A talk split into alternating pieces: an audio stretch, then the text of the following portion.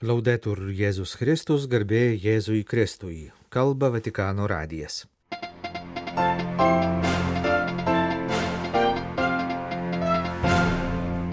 Jau savaitė praėjo nuo popiežiui atliktos operacijos. Tikimasi, kad jau artimiausiomis dienomis jis galės palikti ligoninę.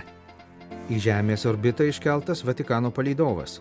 Šventojo sosto sekretorius santykiams su valstybėmis lankėsi Mongolijoje. Ukrainos katalikų labdaros organizacijos dalyvauja pagalbos akcijoje po užtvanko susprogdinimo užlietų teritorijų gyventojams.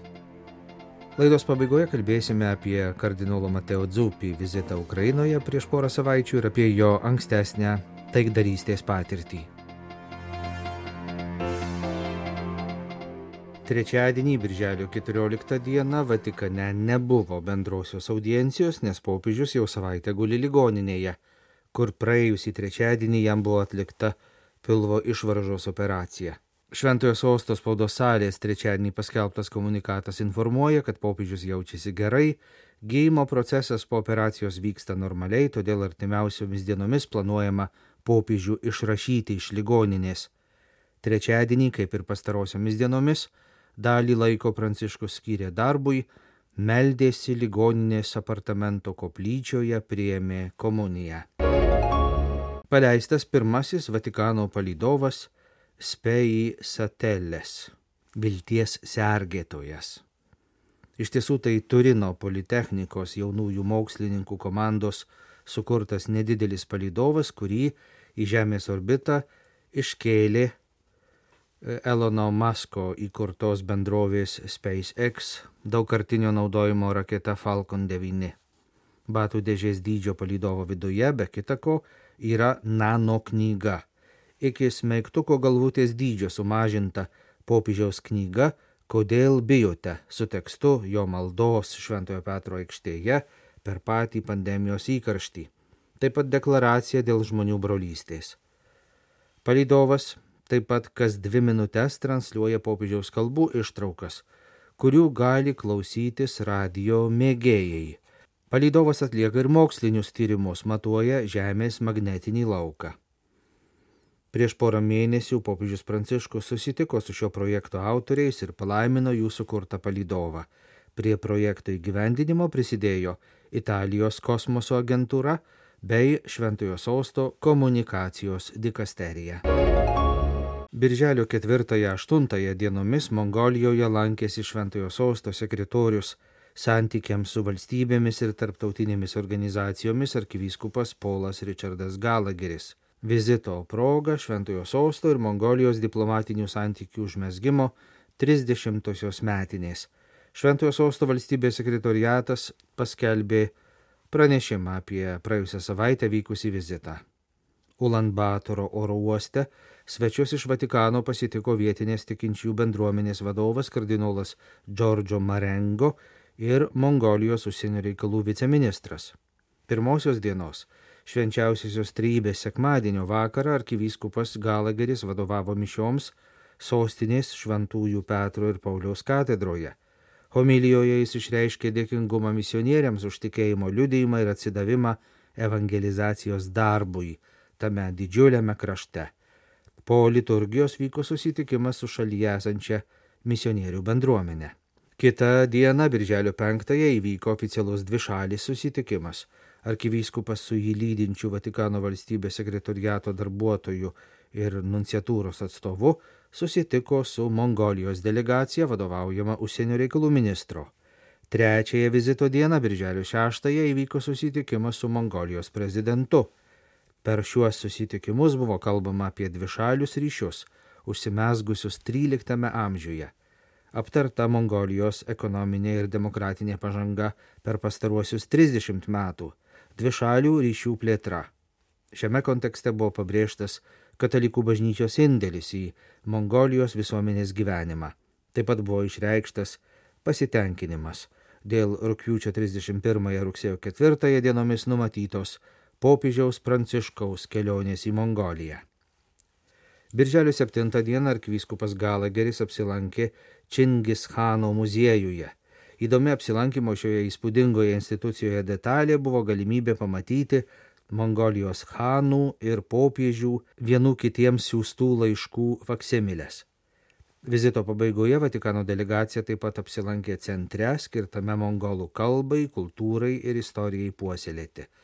Šventojo sosto diplomatijos vadovas taip pat nuvyko į netoli sostinės esančias kapines, kuriuose palaidotas pirmasis Ulambatoro apaštališkasis prefektas vyskupas Venceslau Padėlyje. Ketvirtadienį, birželio 8 dieną, delegacija išvyko atgal į Vatikaną. Sudėtingos sąlygos Ukrainos šalies pietų teritorijose, kurios praėjusią savaitę nukentėjo dėl sugriautos Kachovkos užtvankos. Nuo pat pirmos dienos Karitas Spes nenutrūkstamai vykdo gelbėjimo darbus užtvindytuose kaimuose ir teikia humanitarinę pagalbą perkeltiesiems gyventojams. Daugelis žmonių okupuotose vietovėse negali palikti savo namų.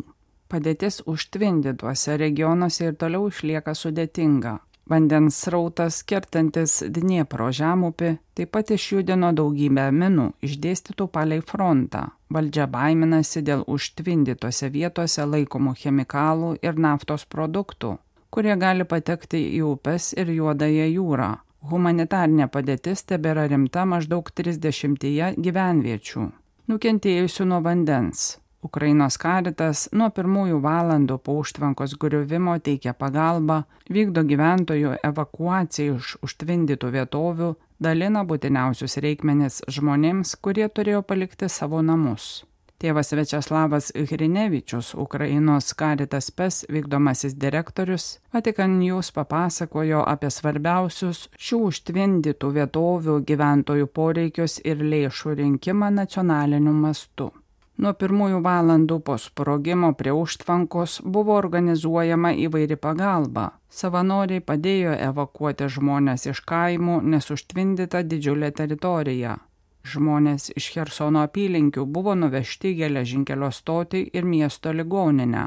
Su viskupijos žinybomis taip pat organizuota pirmoji humanitarinė pagalba, pristatant geriamą vandenį, maistą, sanitarinės priemonės. Iš pradžių karitas savanoriai padėjo evakuoti žmonės valtimis iš apsemtų namų.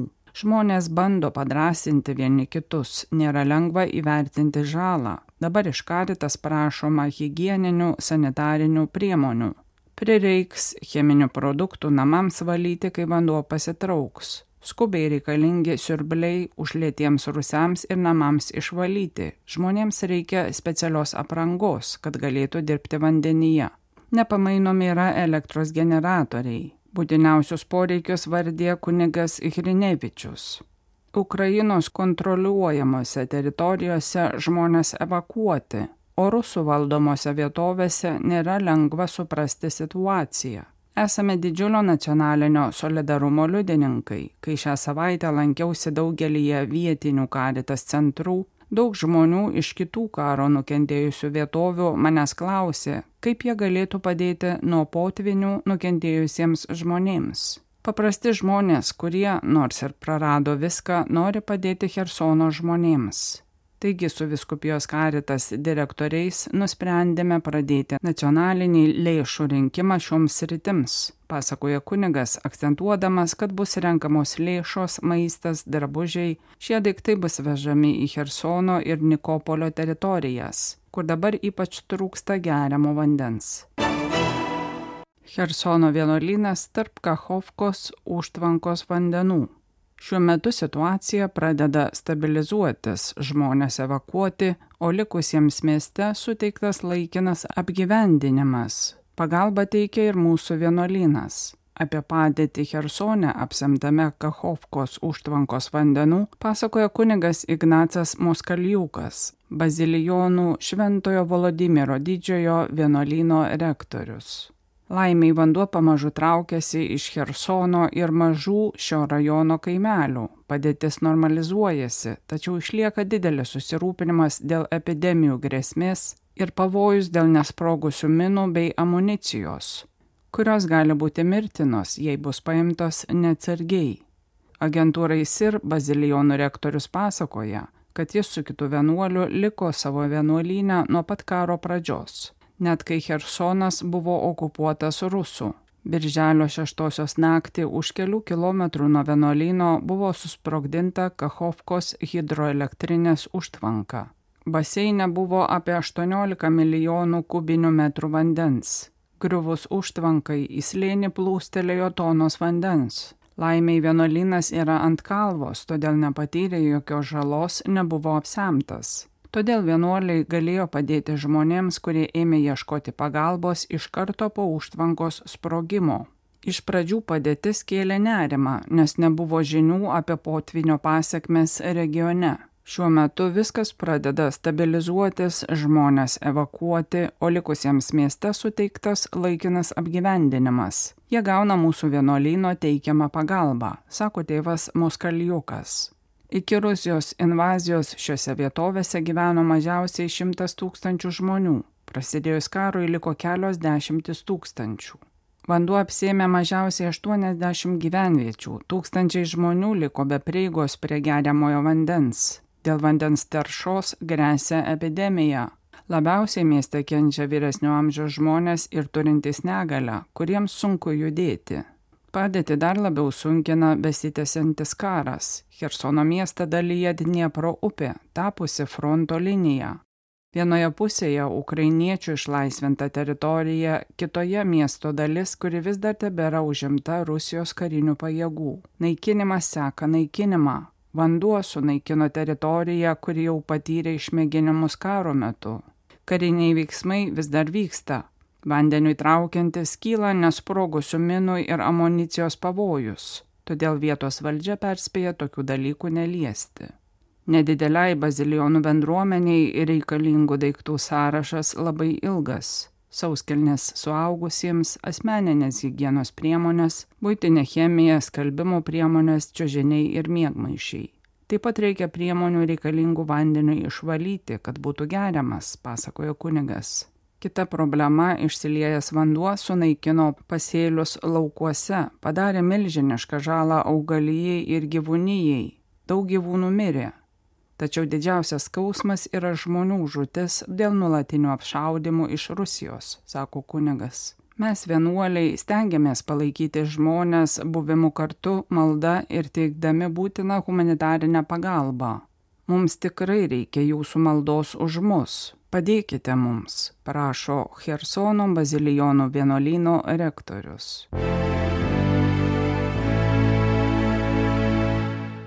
Paskelbus apie tai, kad Bolonijos arkivyskupas kardinolas Mateo Dzupi, taip pat Italijos viskupų konferencijos pirmininkas, yra paskirtas popiežiaus pasintinių taikos misijai, jau apsilankęs Kyjeve ir besirengintis vykti į Maskvą, daugeliu iškilo klausimas, kodėl būtent jis. Atsakymas yra jo patirtis. Prieš tapdamas Bolonijos arkivyskupu Matėjo Dzupė buvo vienas iš Šventojo Egidijaus bendruomenės Romoje vadovų. Ši bendruomenė aktyviai prisidėjo prie taikos procesų keliuose konfliktų apimtuose kraštuose, o kardinolas, tuomet dar jaunas kunigas, tiesiogiai dalyvavo dėrybose ir suartinimo procese. Šiuo požiūriu įdomus italų parlamentaro ir aukštas pareigas Italijos užsienio reikalų ministerijoje ėjusio Mario Rafaelį interviu italų spaudoje pasirodęs birželio 12-ąją. Politikas buvo tos pačios koordinacinės ir dialogo grupės narys, kaip ir kunigas Mateo Dzupi, kuri praėjusio amžiaus paskutinėjame dešimtmetyje padėjo užbaigti pilietinį karą Mozambike. Italo parlamentaro interviu leidžia numanyti, koks yra Bolonijos arkivyskupo metodas susitikimuose su ukrainiečiais ir rusais. Domėjimasis, artumas, išklausimas, kad pradėtų ryškėti iš konflikto vedantis keliai. Taika nėra gražių žodžių, bet konteksto dėryboms sukūrimo rezultatas. Susitarimas įgyja perspektyvą ir tampa realus tik tada, kai visos pusės nusprendžia, kad savo interesų geriau siekti dialogų, o nesmurto. Svarsto italų politikas. Žinoma, situacija Mozambike ir karas Ukrainoje labai skirtingi. Mozambike lipsnojo iš šalies tuo metiniu šaltojo karo blokų komunistinio ir antikomunistinio remiamas pilietinis karas. Ir esminė aplinkybė buvo būtent Sovietų sąjungos nusilpimas ir galutinis subirėjimas 1991-aisiais. Tuo tarpu Rusijos invazija į Ukrainą pradėjo karą tarp dviejų valstybių, viena iš kurių yra brandulinė galybė. Dėrybos Mozambike buvo labai sunkios, nes kovojusios pusės niekada nebuvo susitikusios ir absoliučiai nepasitikėjo viena kita. Reikėjo daug nacionalinių ir tarptautinių žingsnelių bei garantijų, kad nuo karo būtų pereita link taikos. Tai, ką Mozambike pažymė politikas, buvo negražių žodžių, bet tokio konteksto, kuris leidžia abiem pusėm išlaikyti savo skirtingumą, galbūt toliau konfliktuoti, bet ne ginklais, o žodžiais sukūrimas. Tam reikėjo partijų ir rinkimų įstatymų, veiksmingos policijos, laipsniško nusiginklavimo ir kitų sprendimų. Susitarimas tampa perspektyviu, kai visos pusės pradeda manyti, jog savo interesų geriau siekti dialogų, o ne prievartą. Todėl politiko Rafaelį nuomonę, atsižvelgiant į Rusijos ir Ukrainos jėgų neligybę, vakarai turi išlaikyti politinį ir diplomatinį spaudimą Rusijai teikti karinę paramą Ukrainai, nes visų pirma agresorius turi nustoti naudoti jėgą, pamatęs, jog tai neturi prasmės. Tai sudėtingas uždavinys, nes diktatūros priešingai nei demokratinės valstybės neturi atsižvelgti į savo piliečių nuovargį ar valią. Vis tik pabrėžia italų diplomatas, paliaubos be Rusijos kariuomenės išvedimo iš teritorijų, užimtų po 2022 vasario 24 būtų neteisingos ir etiškai abejotinos, nes reikštų, jog suverenios ir demokratinės šalies okupacija jėga laikoma teisėta. Racionali pradinė hipotezė galėtų būti tokia - Rusijos kariuomenės išvedimas, tarptautinių stebėtojų įvedimas, o tada dėrybos dėl Donbaso srities ir Krymo statuso. Jos gali trukti ilgai. Dėrybos Mozambike truko pustrečių metų. Pačioje Italijoje, primena parlamentaras, dėl pietų Tirolio srities statuso buvo kalbama 20 metų. Suprantama, kardinolo Matėjo Dzupė viešuose pasisakymuose neaptiksime samprotavimų apie politinius bei karinius svertus, kurie gali įtikinti Rusiją atsitraukti. Tai nėra jo kaip ganytojo ir popiežiaus pasiuntinio kompetencija bei perspektyva. Bet reikia pabrėžti, kad Ukrainos teritorinio vientisumo principas nekarta buvo pabrėžtas aukščiausių Vatikano pareigūnų ir diplomatų - kardinolo Pietro Parulino ir arkivyskupo Polo Galagerio. O pats Bolonijos arkivyskupas taip pat vykdomos misijos kontekste šiomis dienomis labai aiškiai pabrėžė ryšį tarp taikos ir teisingumo. Negali būti taikos be teisingumo. Be teisingumo taika netvers, o teisingumas be taikos būtų neteisingumas. Iš vienos pusės reikia atkurti teisingumą, o iš kitos įtvirtinti taiką. Birželio 11-ąją Bolonijoje vykusiame diskusijų festivalyje pareiškė Mateo Dzupė.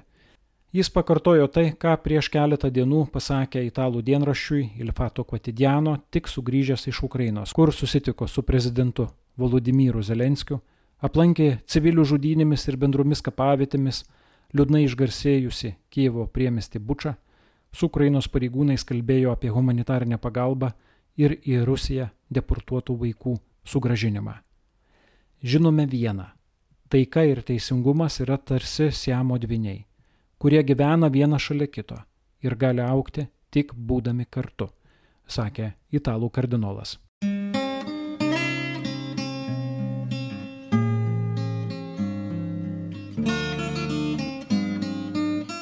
Kalba Vatikano radijas. Laidą lietuvių kalba baigėme. Garbėjai Jėzui Kristui, laudetur Jėzus Kristus.